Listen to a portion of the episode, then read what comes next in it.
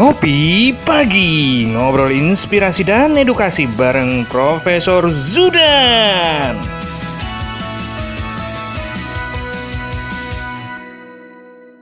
Cara ini didukung oleh Desa Wifi Tol Langit Desa Indonesia. Salam selamat pagi, salam bahagia kerabat desa Indonesia. Suara saya masih gak terlalu nyaman untuk didengar walaupun aslinya juga nggak enak didengar. Uh, pagi ini menarik kita ingin uh, membedah atau ingin mendapatkan tausiah tentang uh, sahabat berkawan dengan penjaga makam. Jadi kalau dari judulnya ini udah kayak judul-judul film ini beberapa episode terakhir judulnya mulai menarik ini Mbak Diana dan teman-teman dari uh, tim redaksi di Dukcapil memberikan judul-judul yang menarik dan pagi Prof, apa kabar Prof? Ya Prof, Prof audio Prof, maaf. Maaf Prof, audionya masih belum on. Ya. Assalamualaikum warahmatullahi wabarakatuh. Waalaikumsalam. Selamat pagi, salam sehat semua untuk Mas Suryo Koco beserta seluruh kru TV Desa, kerabat desa yang berbahagia, sahabat Dukcapil semuanya. Semoga selalu sehat, penuh semangat. Ternyata benar rekan-rekan semuanya Mas Suryo Koco, acara ini nggak ada matinya. Hari Rabu libur, kita tetap on. Kamis libur, kita tetap on. Jumat libur, tetap kita berkarya terus, produktif terus. Luar biasa untuk TV Desa. Terima kasih banyak seluruh kerabat ya. desa dan kawan-kawan yang tidak putus-putusnya untuk terus berkarya. Oke, nggak nggak ada libur panjang ini, Prof. Teman-teman kayaknya. Dan dan, dan yang menarik adalah ada berita teman -teman. bagus. Saya juga lapor ke Pak Mendagri, juga melaporkan ke Pak Menpan. Hmm, okay. Sore hari baru masuk di saya 318 daerah yang hari Rabu dan Kamis itu kerja, Mas. 318 oh, okay. daerah sore masuk dan itu sudah terlanjur saya beritakan pada berbagai media karena ini kabar baik produktivitas ASN di hari libur. Ternyata hmm. malamnya masuk data lagi 405 daerah. Luar biasa. Bayangan dari 514 yang aktif kerja di hari libur, hari Rabu dan Kamis kemarin 405 dan hari ini kita monitor lagi dan banyak yang WA saya Pak, kami juga lembur Pak, kami juga masuk. Jadi itu karena jadi betul-betul diimplementasikan. Terima kasih kawan-kawan semuanya, sahabat Dukcapil. Oke luar biasa sahabat Dukcapil uh, yang selalu ingin memberikan kebahagiaan kepada seluruh masyarakat Indonesia dan pagi ini kita akan berbincang tentang berkawan dengan penjaga penjaga makam. Ini kayaknya hubungannya dengan pendataan apa warga yang meninggal atau gimana ini, Prof? Silakan, Prof. Ya, Mas Suryo Koco, sahabat semuanya, kerabat desa yang berbahagia. Terima kasih rekan-rekan redaksi Dukcapil yang memilih topik bagus untuk hari ini. Berkawan dengan penjaga makam. Kalau kita lihat siklus dalam kehidupan kita dan itu yang juga ditangani oleh Dukcapil ada peristiwa-peristiwa yang harus dicatat mulai dari kelahiran pemberian NIK dibuatkan akte kelahiran dibuatkan kartu identitas anak kemudian menikah memiliki anak ada pengakuan anak pengesahan anak pengangkatan anak mungkin ada juga yang bercerai Nah, di ujung akhir itu di, terjadi peristiwa kematian. Kematian juga diurus oleh Dukcapil. Dilakukan pencatatan kematian atau dibuatkan akte kematian. Nah, ini Mas Surya Kocok. Ternyata Dukcapil itu seperti malaikatnya manusia di dunia. Mencatat semua peristiwanya manusia-manusia itu. Seluruh penduduk dicatat dari lahir sampai mati. Itulah mengapa dalam administrasi kependudukan disebutkan jelas tugas Dukcapil itu mencatat peristiwa yang dialami oleh penduduknya. Mencatat peristiwa yang dialami oleh penduduknya di bidang kependudukan. Nah, khusus pagi hari ini kita berbicara dan ingin terus memotivasi kawan-kawan semua untuk memperbaiki satu catatan kita yang menurut data statistik di Dukcapil itu berada di posisi paling rendah, Mas.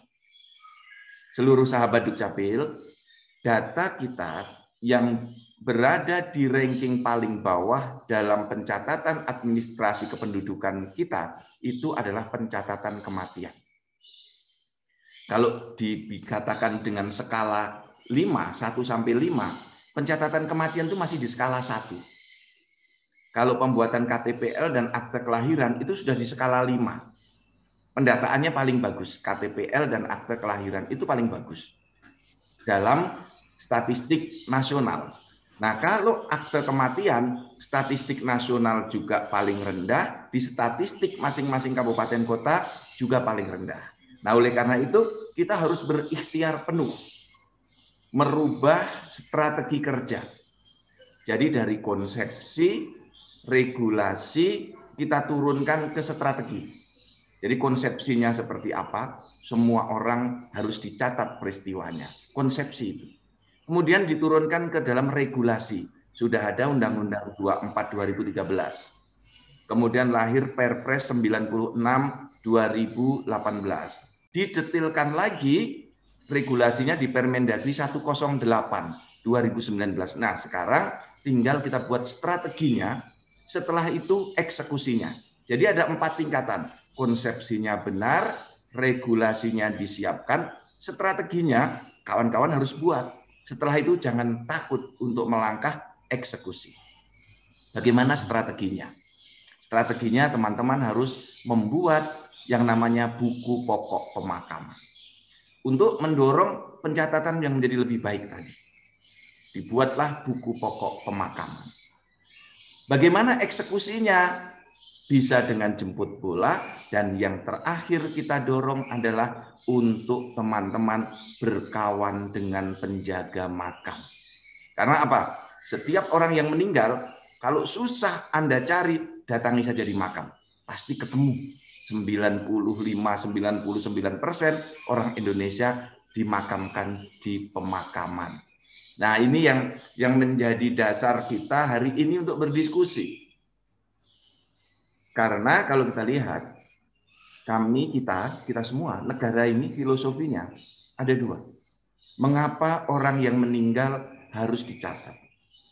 Satu, filosofi pertama adalah bentuk penghargaan dari negara bentuk pelayanan dari negara untuk penghormatan terakhir kepada penduduk warga negaranya. Jadi ketika lahir, negara memberi penghormatan dengan menerbitkan akta kelahiran dan NIK. Ini Mas Suryo Koco. Jadi negara itu betul-betul hadir dari awal sampai dengan akhir hayat WNI kita, penduduk kita. Pertama, lahir diberi penghormatan oleh negara. Terbitkan NIK, terbitkan akte kelahiran, terbitkan kartu identitas anak. Setelah meninggal dunia, negara pun memberi penghormatan dalam bentuk pelayanan kependudukan. Diterbitkan akte kematian. Jadi rekan-rekan semua, negara itu hadir melalui Dukcapil. Sejak lahir sampai meninggal dunia.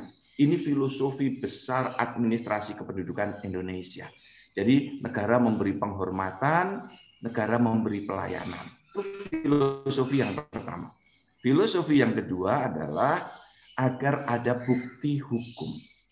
Ada legalitas bahwa seseorang itu benar-benar sudah meninggal dunia dan mendapat pengakuan negara dengan diterbitkannya dokumen kematian itu. Nah, inilah yang terus harus kita lakukan. Karena manfaatnya banyak sekali.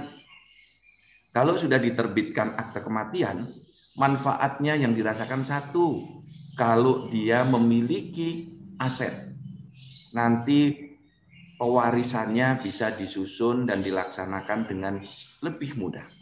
Aspek pewarisan.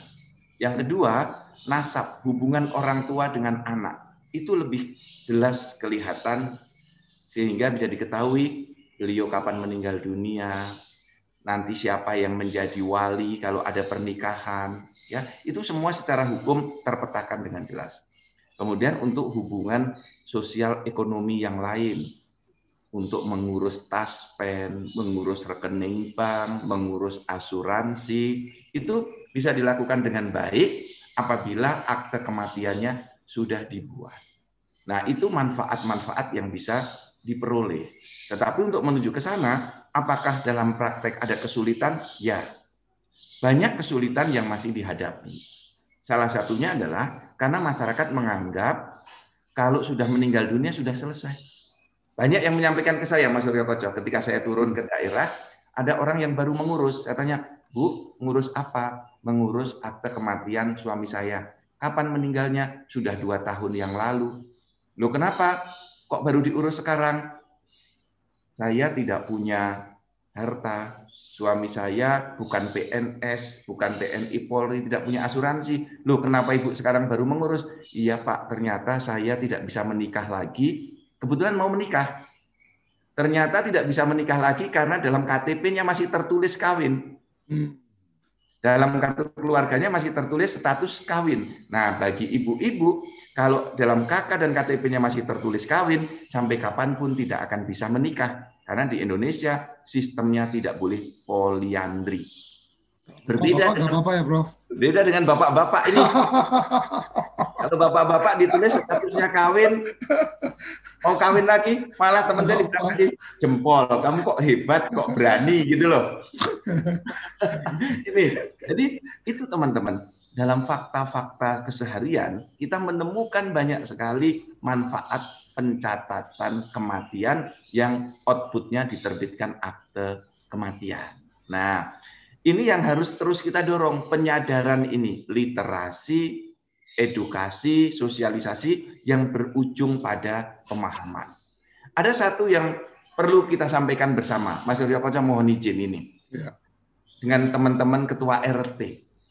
Saya kan dulu diprotes ketua RT ketika pindah penduduk tidak perlu pengantar RT.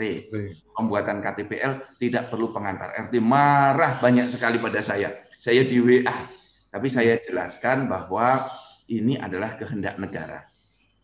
Tugas ketua RT masih banyak. Tugas ketua RT diringankan dari aspek-aspek administrasi pendudukan. Nah, kalau Anda mau lakukan, bantu saya.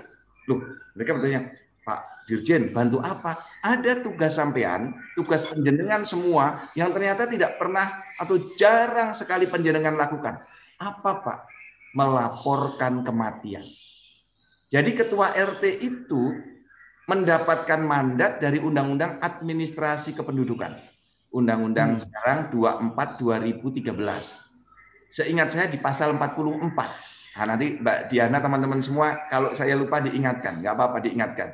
Karena banyak yang harus dihafal, ada yang lupa. Seingat saya di pasal 44. Itu mengatakan begini, pelaporan kematian dilakukan oleh ketua rukun tetangga. Hmm. Ketua RT atau nama lain boleh. Dilakukan paling lambat 30 hari setelah kematian terjadi. Jadi satu bulan itu sudah harus dilaporkan. Nah ini Pak Ketua RT kalau yang ada hadir di sini, ya teman-teman dari kerabat desa tolong diberitahu Pak RT semua. Pak RT itu mendapatkan kehormatan luar biasa dari negara karena disebut di dalam Undang-Undang Adminduk membantu negara mendapatkan kewenangan melaporkan kematian. Jadi teman-teman, kalau ada ketua RT melaporkan jangan dianggap itu calo. Hmm. Itu seseorang yang mendapatkan delegasi perintah dari undang-undang secara atributif. Nah, atributif itu adalah pemberian kewenangan yang tertinggi dalam sistem hukum Indonesia. Jangan Pak RT. Nah, maka kita sosialisasikan Pak RT tugas Bapak ringan di bidang pindah penduduk. Ringan di bidang pembuatan KTPR, tetapi tolong laksanakan tugas dalam rangka pembuatan akte kematian. Nah, itu dulu Mas Surya Koco, pengantar yang perlu saya sampaikan. Artinya akte kematian itu berarti atau uh, informasi kematian itu mandatory tugasnya adalah dilakukan oleh ketua RT. Iya, betul. Jadi oh, okay. kalau keluarganya kan ini kan bini filosofinya. Keluarga kan susah ini Mas Duryo Kocok. Mm -mm. Yang bersusah hati. Maka ketua RT lah yang diberi mandat oleh undang-undang karena ini paling dekat. hmm. dengan posisi uh, subjek akta yang meninggal dunia tersebut. Nah, apa sih syaratnya? Mudah sekali syaratnya itu. Untuk mengurus akta kematian cukup membawa surat keterangan kematian. Bisa surat keterangan kematian dari rumah sakit kalau meninggal di rumah sakit. Kalau meninggal di rumah surat keterangan kematian dari RT RW atau desa. Silahkan. Hmm. Kemudian kalau meninggal karena kecelakaan lalu lintas, boleh surat keterangan dari kepolisian. Kalau meninggal karena pesawatnya jatuh, minta dari maskapai penerbangan waktu kasus Lion Air itu saya menangani kasusnya, surat keterangannya dari Lion Air, dari maskapai. Kami menangani waktu jatuh beberapa waktu yang lalu. Kemudian kalau meninggal di luar negeri, surat keterangannya dari perwakilan di luar negeri. Nah, ini bisa diurus secara online sekarang. Jadi sekarang persyaratannya sudah sangat mudah. Tentu saja nanti ada diverifikasi, ditanya dalam kartu-kartu keluarganya mana, itu wajar. Karena untuk mengetahui NIK-nya. Kemudian nanti ditanya yang bersangkutan putra keberapa, itu untuk memenuhi syarat administrasi. Nanti akan diisi. Nah sekarang juga sudah banyak dukcapil yang langsung bekerja sama dengan rumah sakit. Dan dukcapil juga sekarang ada permohonan online bisa lebih cepat. Mas Suryo Korjo, kerabat desa semua. Sekarang banyak dukcapil yang memiliki program jadi begini, sebelum jenazahnya sampai di rumah, akte, akte kematiannya sudah sampai di rumah duluan, Mas. Jadi yang meninggal di rumah sakit, kemudian hubungan rumah sakit menghubungi dinas Dukcapil, kemudian di Dukcapil dibuatkan akte kematian. Dan juga sudah banyak Dukcapil yang menyerahkan akte kematian sebelum jenazahnya diberangkatkan atau pada saat tahlilan hari kedua, hari ketiga, dan seterusnya. Nah, apalagi kalau teman-teman Dukcapil sekarang mau sedikit turun ke bawah bersama penjaga makam. Dengan di makam itu didorong membuat yang namanya buku pokok pemakaman. Teman-teman ingatkan tahun 2016 saya sudah menerbitkan surat tertanggal 17 Maret 2016. Kita kirim waktu, kita bagikan waktu Rakornas di NTB, di Lombok, di Mataram. Pada waktu itu kita memiliki rencana, memiliki strategi dengan cara eksekusi strateginya buku pokok pemakaman itu, kemudian eksekusinya teman-teman berkawan dengan penjaga makam, jemput bola. Nah, itu buatlah grup WhatsApp dengan para penjaga makam. Kalau nanti di Kolaka Timur tempat Pak Anwar Hamzah itu ada 300 penjaga makam, buat dua nomor WhatsApp. Jadi kalau ada yang meninggal penjaga makam tinggal WA Pak Anwar, Pak Anwar, Pak Kadis, ini ada yang meninggal dunia, KTP-nya ini. Kalau Bapak tidak percaya, saya fotokan wajahnya, pocongnya seperti ini. Nah, masa masih nggak percaya? Nah, misalnya dikirim lagi ke Mesuji, Pak Mursalin, berapa penjaga makam di sana? Karena Mesuji masih kecil daerahnya, daerah pemekaran, baru ada 100 makam buat satu nomor. Beda dengan yang terjadi misalnya di Tapin, di tempat Bu Ida. Ya, di Tapin, Kalimantan Selatan, wah ini sudah banyak, ada 215 penjaga makam buat satu grup WhatsApp. Ini sederhana eksekusinya, tetapi mengungkit pendataan yang luar biasa. Jadi teman-teman, yang namanya kreativitas inovasi itu seperti itu. Bekerjanya sedikit, hasilnya banyak. Hanya teman-teman itu mungkin gengsi Mas Suryo Koco. Mau saya berkawan dengan penjaga makam. Bok, kalau bisa berkawan dengan artis, dengan KKJ gitu kan? Iya. Foto bareng artis. Kalau foto bareng mayat kan nggak asik loh. Iya. Dengan Po Alfa, dengan Sule gitu. Pengennya gitu. Tapi coba yuk kita berkawan dengan penjaga makam akan banyak cerita-cerita dari yang bersangkutan. Hmm. Nah, buatlah grup WhatsApp itu. Jadi Bu Reka kalau di sana mungkin di itu karena di Aben metodenya sedikit berbeda hmm. dengan teman-teman yang lain. Dan yang di Bali metodenya sedikit berbeda.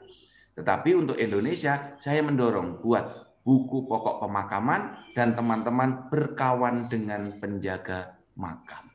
Itu Mas Surya Koco. Prof, ada ada yang menarik uh, beberapa waktu dulu saya pernah membaca ada satu literatur menyampaikan bahwa uh, pencatatan kematian itu waktu zaman Belanda adalah uh, menjadi sangat tertib karena siapa yang melaporkan kematian itu kemudian mendapatkan fasilitas dari pemerintah Belanda untuk kemudian kain kafan dan seterusnya yang mungkin pada saat itu kan dibutuhkan oleh oleh apa masyarakat. Kalau sekarang kan sudah ada kelompok-kelompok pengajian atau apa yang siapa pun meninggal kemudian dari masjid sudah mendapatkan paket untuk apa kain kafan dan seterusnya.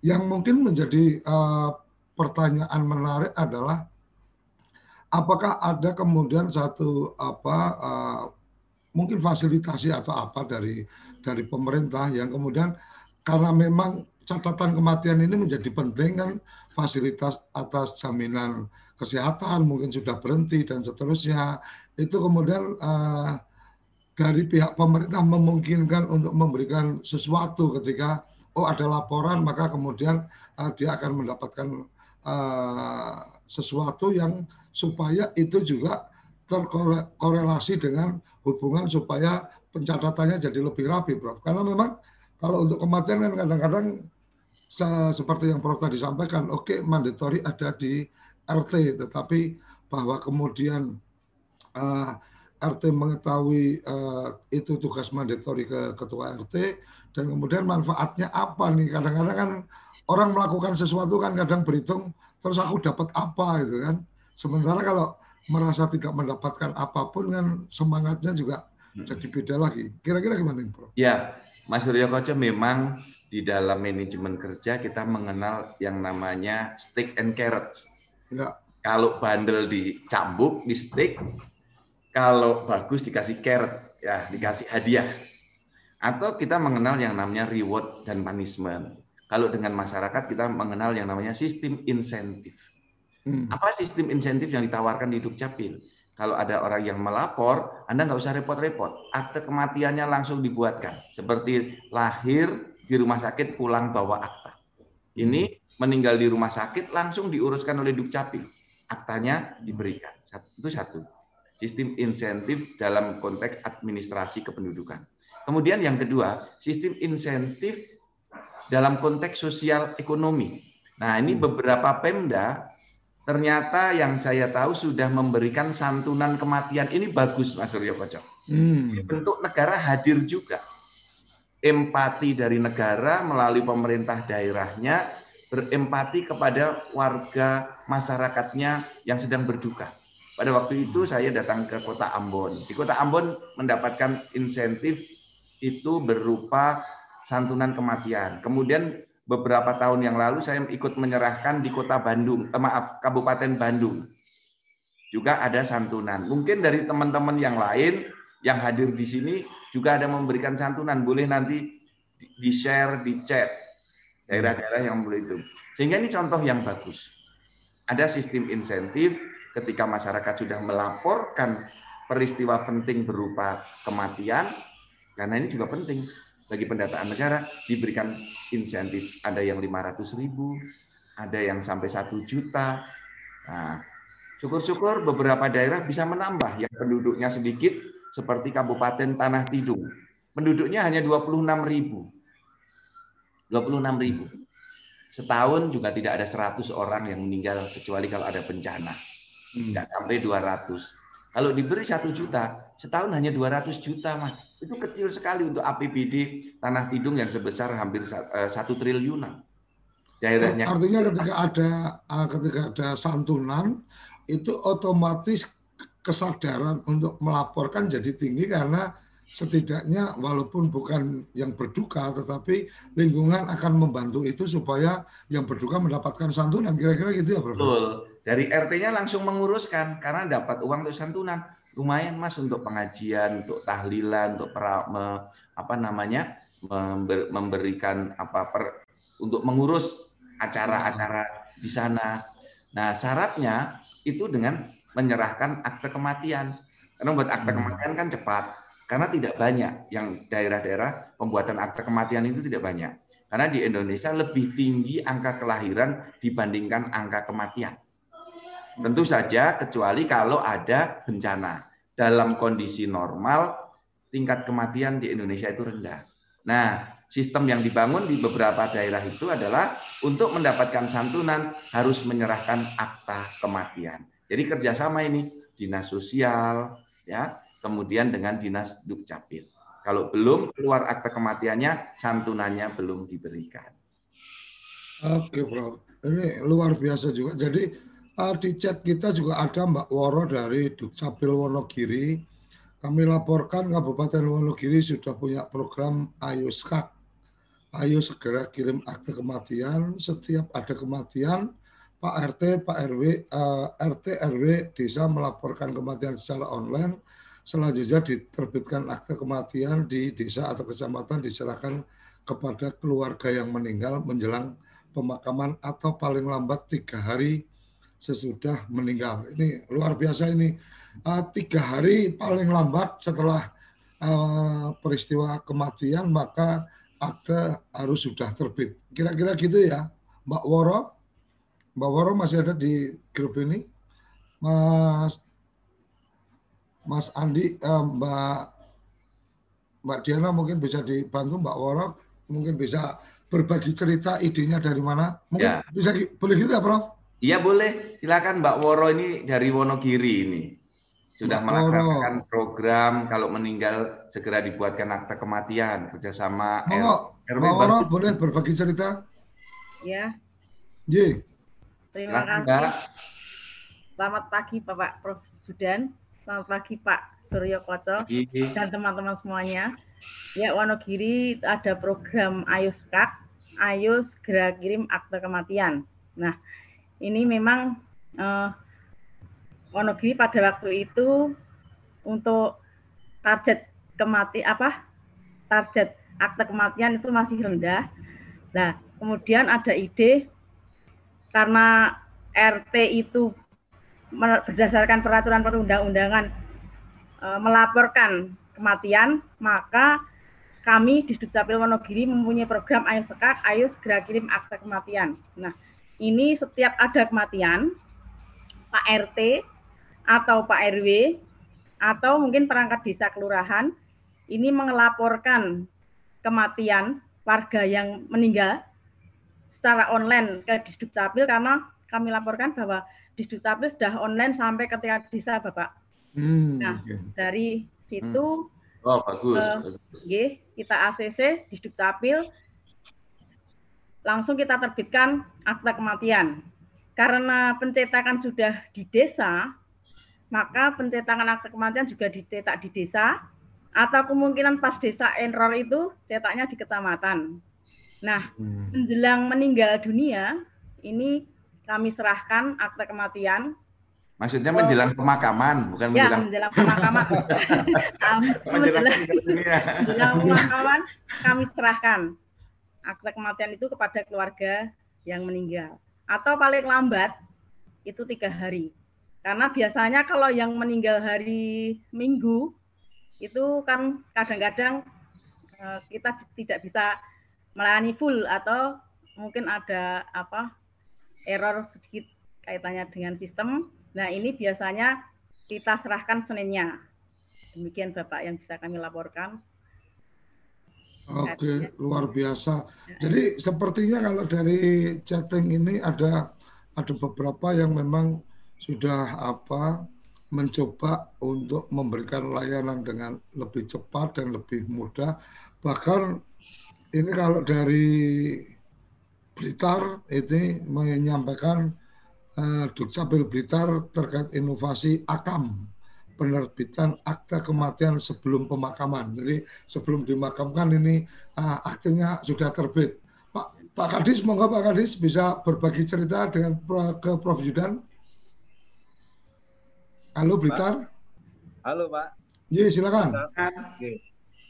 Terima kasih Bapak. Kami laporkan terkait tentang akta kematian bahwa kami di Kabupaten Blitar 2019 sudah punya program namanya akte kematian terbit sebelum pemakaman. Artinya adalah bisa kami terbitkan pada hari itu ada pelaporan dari Modin atau dari Kaur Kesra atau petugas registrasi desa melaporkan pada kami, kami bisa menerbitkan untuk akte kematiannya itu. Cuma uh, penyerahannya itu tergantung dari teman-teman wilayah kalau memang hari itu sebelum pemakaman diserahkan pasti kami antar. Biasanya mereka meminta ada selamatan tiga harian atau tujuh harian mereka baru meminta untuk diserahkan. Itu kami gunakan peluang itu sekaligus untuk sosialisasi terkait tentang akte kematian yang yang kami inovasikan dengan sebutan akam. Terima kasih Bapak. Oke, terima kasih luar biasa. Ini dari Lumajang memberikan santunan semua penduduk yang meninggal dunia satu juta bersinergi dengan paten. Nah, paten ini apa mungkin Mas Agus boleh berbagi cerita? Silakan Pak Agus Warsito dari Lumajang. Assalamualaikum warahmatullahi wabarakatuh. Salam semanggi, salam semangat pagi untuk Prof. Judan dan Pak Sukoco. Uh, terima kasih. Jadi untuk Kabupaten Lumajang, ya memang untuk akta kematian ini hampir semua kabupaten sepertinya memang harus berbagai cara dilakukan. Alhamdulillah di Kabupaten Lumajang uh, ini Pemkap memberikan bagi yang kaya maupun miskin ini santunan sebesar 101 juta. Lah pemberiannya tidak di dinas sosial, tapi sekarang sudah dilimpahkan ke masing-masing kecamatan. Nah, Dukcapil Kabupaten Lumajang eh, mulai 2019 kemarin eh, atas izin pusat kita juga ada eh, program landuk tamat. Jadi pelayanan adminduk tuntas di kecamatan salah satunya adalah akte kematian. Nah, pada saat penyerahan santunan ini sekaligus juga akan diserahkan akte kematiannya. Dan alhamdulillah ini eh, secara tidak langsung juga meningkatkan cakupan eh, penerbitan akte kematian di Kabupaten Lumajang dan ini akan kami intensifkan jadi tidak hanya yang uh, dipaten, tapi kami juga pada saat kalau di sini kan ada istilah yang ngelayat, Pak, melayat jadi. Jadi entah itu ada hubungannya dengan uh, saudara dan tidak, tapi Kabupaten Lumajang berusaha untuk uh, apa ya berkirim duka dengan memberikan dan menerbitkan akte kematian. Seperti itu Pak di Kabupaten Lumajang. Mas Agus, paten itu apa paten? Paten itu kayaknya seluruh Indonesia itu Pak. Jadi pelayanan administrasi eh, pelayanan satu terpadu kecamatan, pelayanan ya. terpadu kecamatan. Jadi itu terpadu kecamatan untuk izin-izin sederhana, Mas Suryo Koco, rekan-rekan semua yang ya. diselenggarakan satu pintu di kecamatan. Ya, Sehingga betul, masyarakat tidak perlu jauh mengurusnya ke tingkat kabupaten. Misalnya izin membuka salon, izin membuka peternakan kecil, itu cukup di tingkat kecamatan. Oke. Oke, Prof. Ternyata sahabat Dukcapil luar biasa membuat terobosan-terobosan, strateginya jelas, kemudian eh, bagaimana harus mengeksekusinya. Ini luar biasa ini di bawah bimbingan Prof. Yudan dan apa memacu semangat teman-teman. Oke, kita karena ini sudah di tengah acara, kita perlu ngaduk kopi bersama-sama. Kita akan jeda sesaat lagi dan kita akan kembali uh, sambil mencoba melihat teman-teman. Saya melihatnya ini rata-rata berkomentar baik saja di ada Kabupaten Bintan ini di uh, chat YouTube nanti kita akan bacakan setelah yang satu ini. Jangan ke mana-mana, kerabat desa, sahabat Dukcapil, tetap di Ngopi Pagi bareng Prof. Zudan.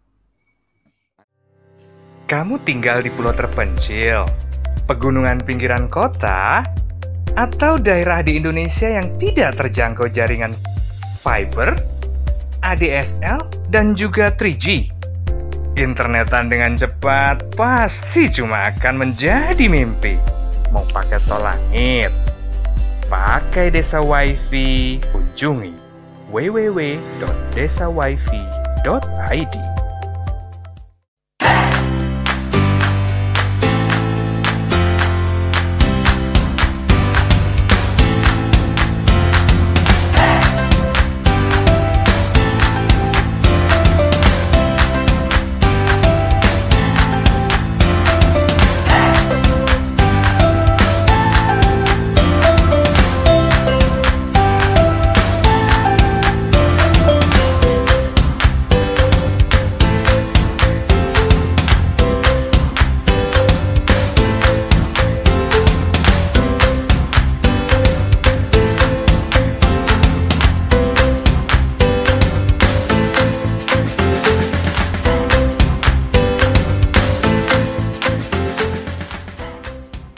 toko IG.id, toko Instagramnya orang Indonesia. Ayo, kandidat kepala daerah, manfaatkan kesempatan ini. TV Desa mengundang Anda bicara desa. 5 menit bisa. Bicara Desa. Sebuah program tayangan monolog, konsep membangun dari desa. Dari kandidat untuk masyarakat. 5 menit bisa. Bicara Desa. Hanya di TV Desa. Oke, kembali lagi kita di ngopi pagi. Prof, ini ada yang menarik ini, Prof, dari Mas Nur Kolis, Jawa Tengah. Izin melaporkan, Prof, PT Taspen beberapa waktu yang lalu belum mau menggunakan akte kematian untuk persyaratan bagi PNS yang meninggal. Ini mungkin Mas Mas Nur Kolis perlu menyampaikan ini maksudnya kayak apa ini ceritanya tentang tidak mau menggunakan untuk apa uh, akte kematian. Mas Nurkali silakan boleh berbagi cerita. Eh, Assalamualaikum, mohon maaf belum mandi Pak. Nggak apa-apa. Masa pakai video ya? Ya, asal nggak minta asal nggak minta dimandikan nggak apa-apa. Izin, mohon maaf. Oke, okay. Ini izin Bapak. Uh, di PT Taspen itu yang ngurusi untuk pensiun oh, PNS yang meninggal hmm. untuk mendapatkan haknya itu. Jadi hmm. masih uh, beberapa waktu yang lalu saya dapat info masih belum menerima, mau menerima akte kematian, tapi surat kematian dari rumah sakit malah yang diminta. Hmm. hmm. Padahal yang untuk membuat akte kematian kan surat kematian dari rumah sakit yang diperlukan atau surat hmm. dari RT RW gitu Bapak. Jadi mungkin uh, sektor lintas sektor pengguna perlu di, disampaikan lagi. Contoh Bapak saya sendiri dulu waktu meninggal untuk mengurus uh, ambil rekening di bank rekening bapak saya itu pakai akte kelahiran nggak mau.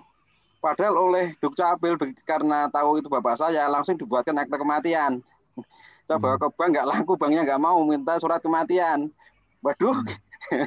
saya tetap protes ya saya desak akhirnya mau gitu. Berarti mungkin untuk eh, lembaga-lembaga uh, perbankan yang tingkatnya nasional, Taspen dan lembaga yang lain mungkin izin usul Prof uh, syarat iya. akta kematian itu harus gitu aja tidak boleh ganti yang lain sehingga nanti semua yang meninggal itu nanti mau gak mau secara alamiah akan meminta akta kematian. Itu Bapak. Assalamualaikum warahmatullahi wabarakatuh.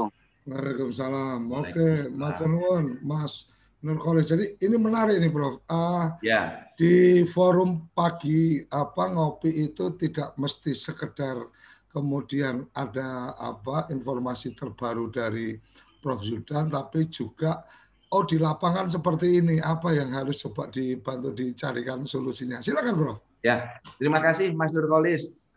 Eh, pekan depan saya mau koordinasikan dengan PT Taspen karena PT Taspen itu dekat dengan Ketua Umum Korpri karena kaitannya itu. Nah, nanti kita undang untuk rapat. Kalau memang perlu, karena Taspen itu MOU dengan Dukcapil untuk akses data. Oh, ketika okay. para pensiunannya siapa saja itu rutin mengakses data. Nah, hmm. nanti kita buat kebijakan, kita surati direksi Taspen agar nanti Taspen melanjutkan ke seluruh Indonesia bahwa kalau meninggal dunia syaratnya melaporkannya dengan akte kematian. Hmm. Termasuk perbankan. Terima kasih Mas Nurholis.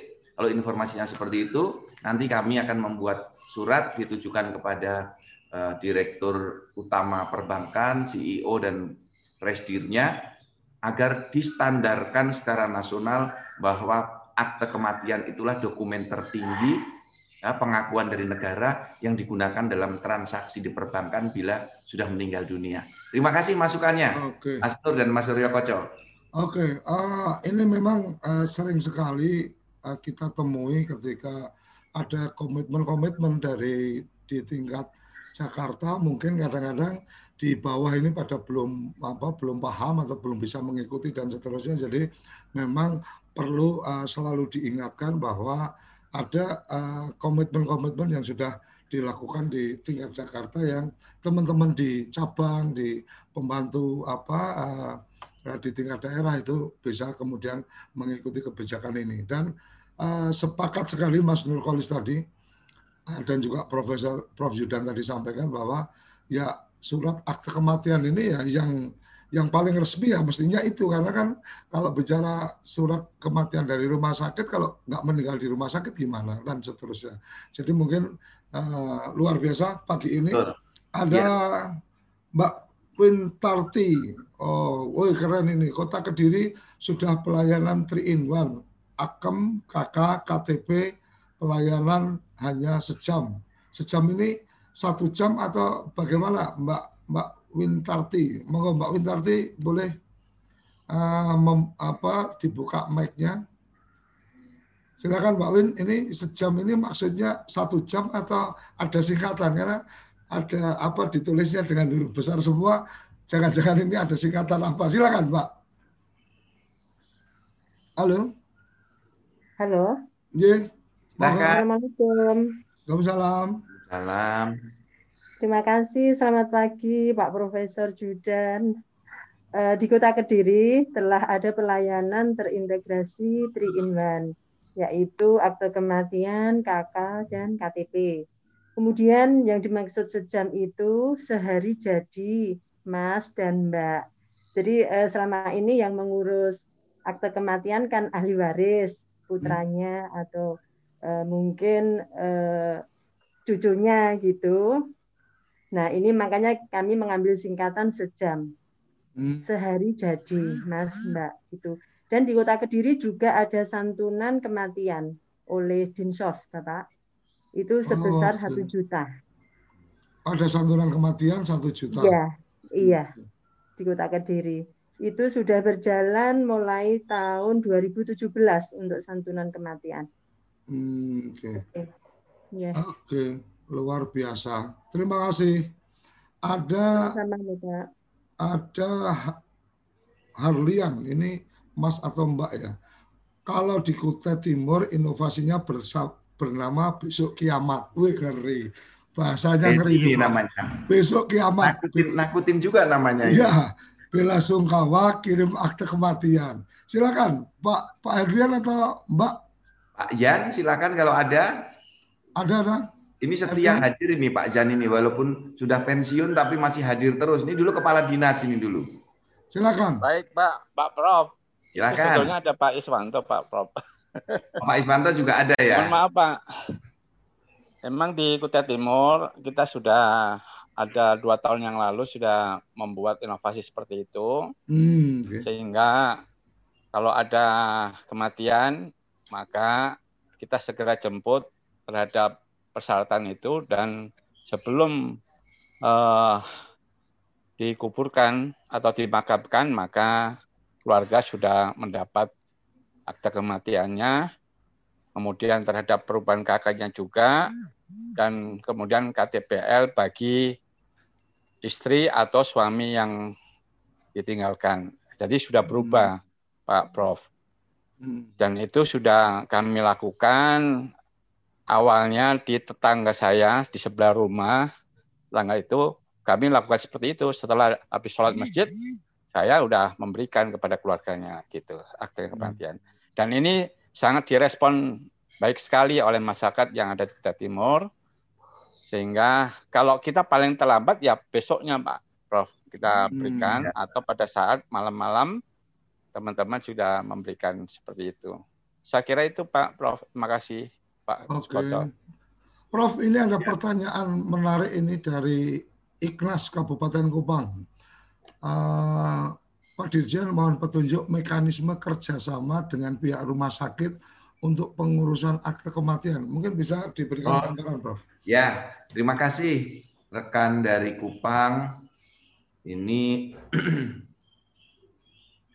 cara kerjasama dengan rumah sakit. Pertama, kita bisa membangun sekaligus kerjasama untuk pemanfaatan data, Pak. Nanti Bapak bisa melihat kepada teman-teman seperti di Kota Depok, di Provinsi Aceh, ya, Kota Bekasi yang udah kerjasama dengan rumah sakit-rumah sakit, sehingga hasilnya bisa dua nanti untuk akte kelahiran dan akte kematian. Caranya dibuat perjanjian kerjasama. Nah, ada baiknya Bapak silaturahmi ke direktur-direktur rumah sakit atau hmm. diundang semua rapat bersama kepala dinas kesehatan Sehingga 10 rumah sakit bisa bersama-sama. Andai 10 rumah sakit masih berat, uji coba dulu tiga rumah sakit yang ada di sana. Atau kalau tiga juga berat, satu dulu rumah sakit. Nah, Bapak nanti bisa bertanya kepada Pak Agus Warsito di sini, saling berkomunikasi, nanti antar kepala dinas, bisa juga nanti bertanya dengan uh, tadi Pak Yan, ya yang sudah ada eh, hal-hal uh, seperti itu, sehingga nanti bisa terjalin komunikasi yang lebih intensif. Itu Mas uh, mekanismenya. Dan perlu juga saya tambahkan rekan-rekan semuanya, ini yang sering muncul pertanyaan di grup WhatsApp Mas Surya Koco di mana mengurus akte kematian. Ini pertanyaan ini menggelitik. Hmm. Mengapa menggelitik? Karena pertama yang meninggal dunia nggak bisa mengurus sendiri. Kemudian ternyata yang meninggal dunia dengan putra putrinya itu beda rumah. Oh, okay, okay, Orang tuanya masih di kampung sendiri, ya. Putra putrinya di kota lain.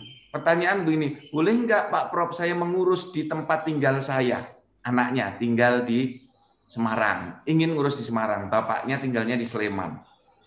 Atau yang di Jakarta, Pak saya uruskan di Jakarta saja. Dekat saya dengan Kepala Dinas Dukcapil Jakarta, sehingga akan dibantu. Nah, sistem kita, sistem hukum admin duk kita mengatakan asas domisili.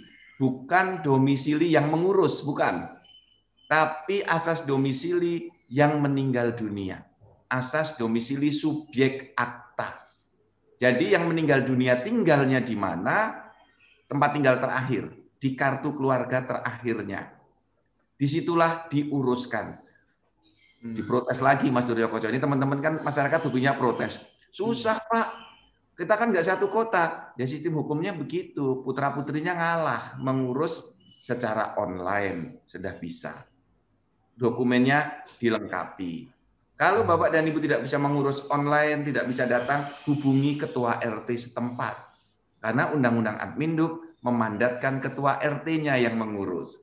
Jadi sekali lagi diurus sesuai asas domisili yang meninggal dunia. Nah kemudian ini berbagi kasus. berarti pengurusannya itu berdasarkan asas domisili dari yang meninggal ya. Yang meninggal. Bukan, bukan apa kejadian meninggalnya ya bukan asas peristiwa ya, okay. bukan tempat terjadinya peristiwa dan juga bukan domisili yang akan mengurus, bukan. Hmm. Jadi kita menyebut domisili subjek akta yang namanya hmm. akan diletakkan di dalam akta itu. Kemudian beberapa kasus yang menjadi banyak pertanyaan itu begini. Bagaimana kalau yang meninggal dunia sudah lama sekali? Meninggal dunia di tahun 90-an dan belum dibuatkan akta Baru sekarang keluarganya ingat ternyata ada sertifikat tanah yang luas mau dibagi waris nggak bisa karena belum ada akta kematian. Hmm. Nah, baru mereka urus. Ternyata datanya dalam data siak sudah dihapus karena sudah tahun 90, 30 tahun yang lalu. Karena kalau kita melakukan cleansing terus-menerus, 30 tahun nggak ada transaksi, ya kita sisihkan datanya. Nah, kalau dalam data siak sudah tidak ada datanya sama sekali, dan masyarakat itu tidak ada data pendukung, ijazah tidak ada, KTP tidak ada, paspor sudah tidak ada, KK sudah tidak ada, itu harus dengan penetapan pengadilan. Hmm. Jadi nanti masyarakat mengajukan ke pengadilan untuk menetapkan pengadilan itu namanya siapa, meninggal tanggal berapa, meninggalnya di mana, orang ini dulu tinggalnya di mana sehingga terpenuhi asas domisili tadi, Mas Surya Koco. Kalau ada dokumen pendukung, Prof. Nah, oh masih ada, ada apa KTP yang tersimpan gitu? Betul. Meninggal dunia sudah 30 tahun yang lalu, tapi kakaknya masih ada. Hmm. Ijazah masih punya. Hmm. KTP lama masih punya, tidak perlu penetapan pengadilan. Di situ kan hmm. sudah bisa diketahui tinggal terakhirnya di mana. Oh, oke okay, oke okay, oke. Okay. Itu untuk mengetahui asas domisilinya, identitasnya siapa, dia betul-betul WNI. Nah, inilah asas kehati-hatian yang ditempuh oleh Direktorat Jenderal Dukcapil beserta seluruh jajarannya. Ini pernah kami menjawab surat ke Gunung Kidul yang menanyakan itu. Pak, ini kan kalau di undang-undang wajib penetapan pengadilan. Saya jawab, oh tidak begitu maksud undang-undang itu. Penetapan pengadilan bila tidak ada datanya dan tidak ada dokumen pendukung sama sekali. Karena prinsipnya negara harus percaya dengan rakyatnya sampai ternyata si rakyat itu membohongi negara. Jangan kita percaya lagi. Nah, kemudian yang terakhir rekan-rekan, kasus yang kemarin muncul ini perlu saya ulangi kembali biar teman-teman memiliki keyakinan dan PD dengan asas contrarius actus yang kemarin sudah saya jelaskan. Terkait dengan orang yang sudah dibuatkan akte kematian ternyata masih hidup. Kasus di Aceh, kasus kemarin di beberapa daerah, kepala dinasnya WA ke saya lagi, Pak ini orangnya ternyata masih hidup. Nah, rekan-rekan, kalau faktual orangnya masih ada, batalkanlah akte kelahiran, maaf, akte kematian yang lama itu dengan asas contrarius actus. Tidak perlu penetapan pengadilan. Cukup dilampiri SPTJM dari yang dinyatakan meninggal tadi yang masih hidup itu dilampiri dua eh, diketahui dua orang saksi. Tidak perlu penetapan pengadilan. Itu langkah mudah yang perlu ditempuh ketika ada kesalahan-kesalahan dalam pembuatan akte kematian. Salah satunya orangnya masih hidup, dulu pernah dilaporkan meninggal dunia.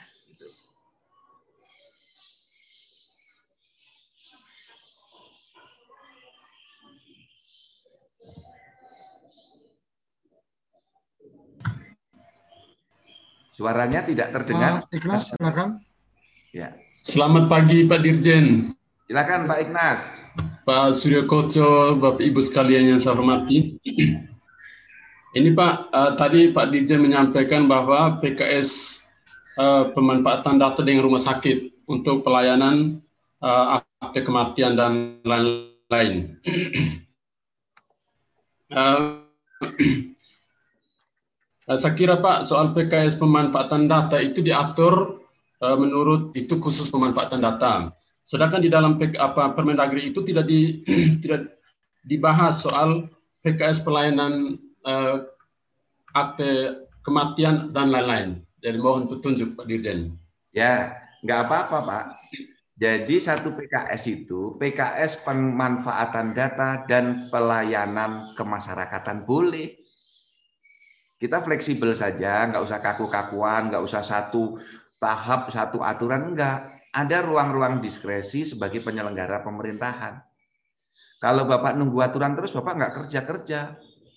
Daerah lain sudah terbang, Bapak baru bertanya gimana caranya. Telat, Pak. Ya, yang namanya administrasi pemerintahan itu Bapak harus pahami betul yang ada di Undang-Undang 30 tahun 2014. Tahu Undang-Undang 30 tahun 2014 di sana ada ruang-ruang diskresi. Nah, ruang diskresi itulah yang berisi inovasi-inovasi Bapak dan Ibu. Boleh. Jadi Pak Inas nggak usah ragu-ragu. Pemanfaatan data itu termasuk Bapak ya mendapatkan data dari rumah sakit yang namanya data balikan itu. Oh ini meninggal. Boleh. Nah itu ya Pak Inas ya. Maju terus Pak. Oke selamat apa Pak Inas semangat melayani menjadi penting untuk kemudian ada bagian-bagian kalau memang teman-teman uh, yang lain sudah bisa berjalan artinya ruang untuk itu masih sangat mungkin untuk dikerjakan tinggal bagaimana caranya. Nah, ini ada dari Mbak Emi Nikmawati izin melapor Bantul memberikan akte kematian KK dan KTP ahli waris jika ada sebelum ijazah dikebumikan. Nama inovasinya aksi simpati bekerja hmm. sama dengan petugas register desa dan grup WA. Oke, luar biasa ya. ini seperti yang tadi Prof sampaikan. Kemudian Mas Agus menambahkan tadi penjelasan karena Kabupaten Lumajang tidak hanya menerbitkan akte kematian tetapi juga menerbitkan uh, eh, KK dan KTPL bagi uh, suami istri yang ditinggal. Artinya melakukan updating data uh, akte kematian dikeluarkan, KK berarti ada perubahan, KTP berarti ada perubahan untuk yang apa suami atau istri yang ditinggalkan. Kira-kira seperti itu ya Prof ya? Iya, yang dilakukan Kabupaten Bantul tadi sudah berteman dengan penjaga makam, dengan petugas registrasi desa, atau petugas yang memberikan bantuan pelayanan di desa plus layanan terintegrasi. Nah, inilah yang dulu pernah kita bahas saat kita berbicara tentang peningkatan kualitas layanan. Jadi teman-teman seluruh Indonesia, kerabat desa dan sahabat Dukcapil dalam rangka pelayanan administrasi kependudukan itu kita memiliki banyak ruang-ruang inovasi. Layanan terintegrasi itu juga bagian dari inovasi yang semangatnya membahagiakan masyarakat. Karena apa? Yang diminta hanya akta kematian, tapi terbit KTP bagi yang hidup dengan status cerai mati.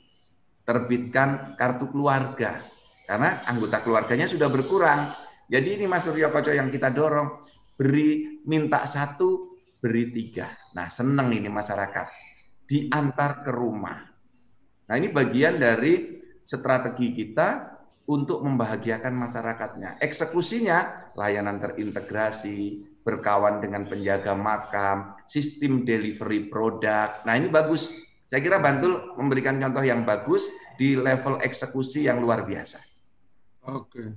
Prof ini ada yang di apa di channel YouTube melaporkan Kabupaten Bintan sudah melaksanakan inovasi akte kematian namanya pelamanis. Ini kayak, kayak kayaknya kalau umpama apa kita uh, kumpulkan nama-nama inovasi namanya bagus-bagus ini, oh, ini. namanya keren-keren yang kemarin iya. ada gadis ada apa gitu kan ini ini ter, ternyata uh, apa sahabat Dukcapil ini uh, punya selera apa pilihan katanya yang luar biasa coba tadi yang besok kiamat itu agak bikin ngeri juga ini kalau iya. kalau film-filmnya horor ini judulnya besok kiamat ini. Iya.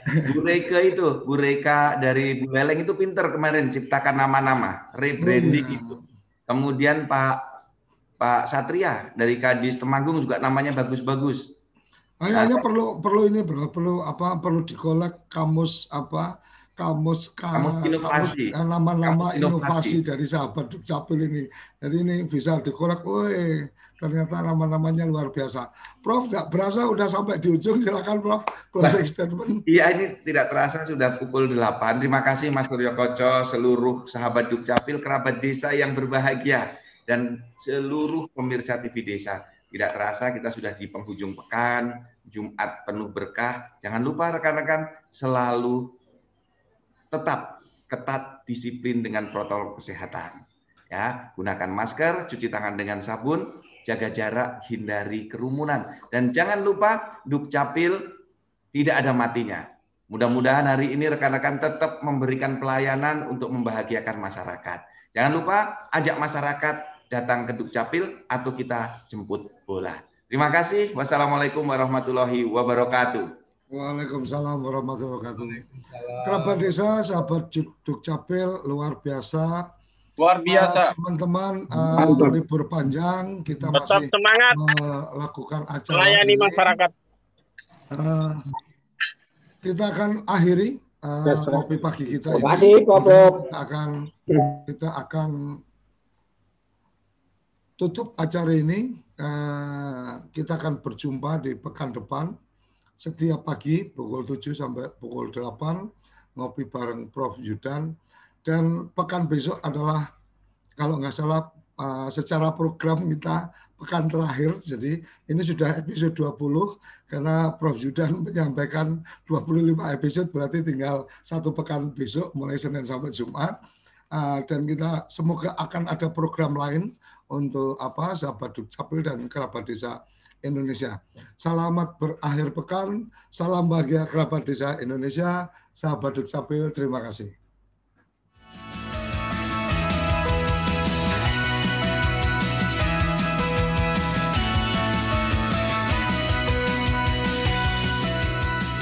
Ngopi Pagi, ngobrol inspirasi dan edukasi bareng Profesor Zudan.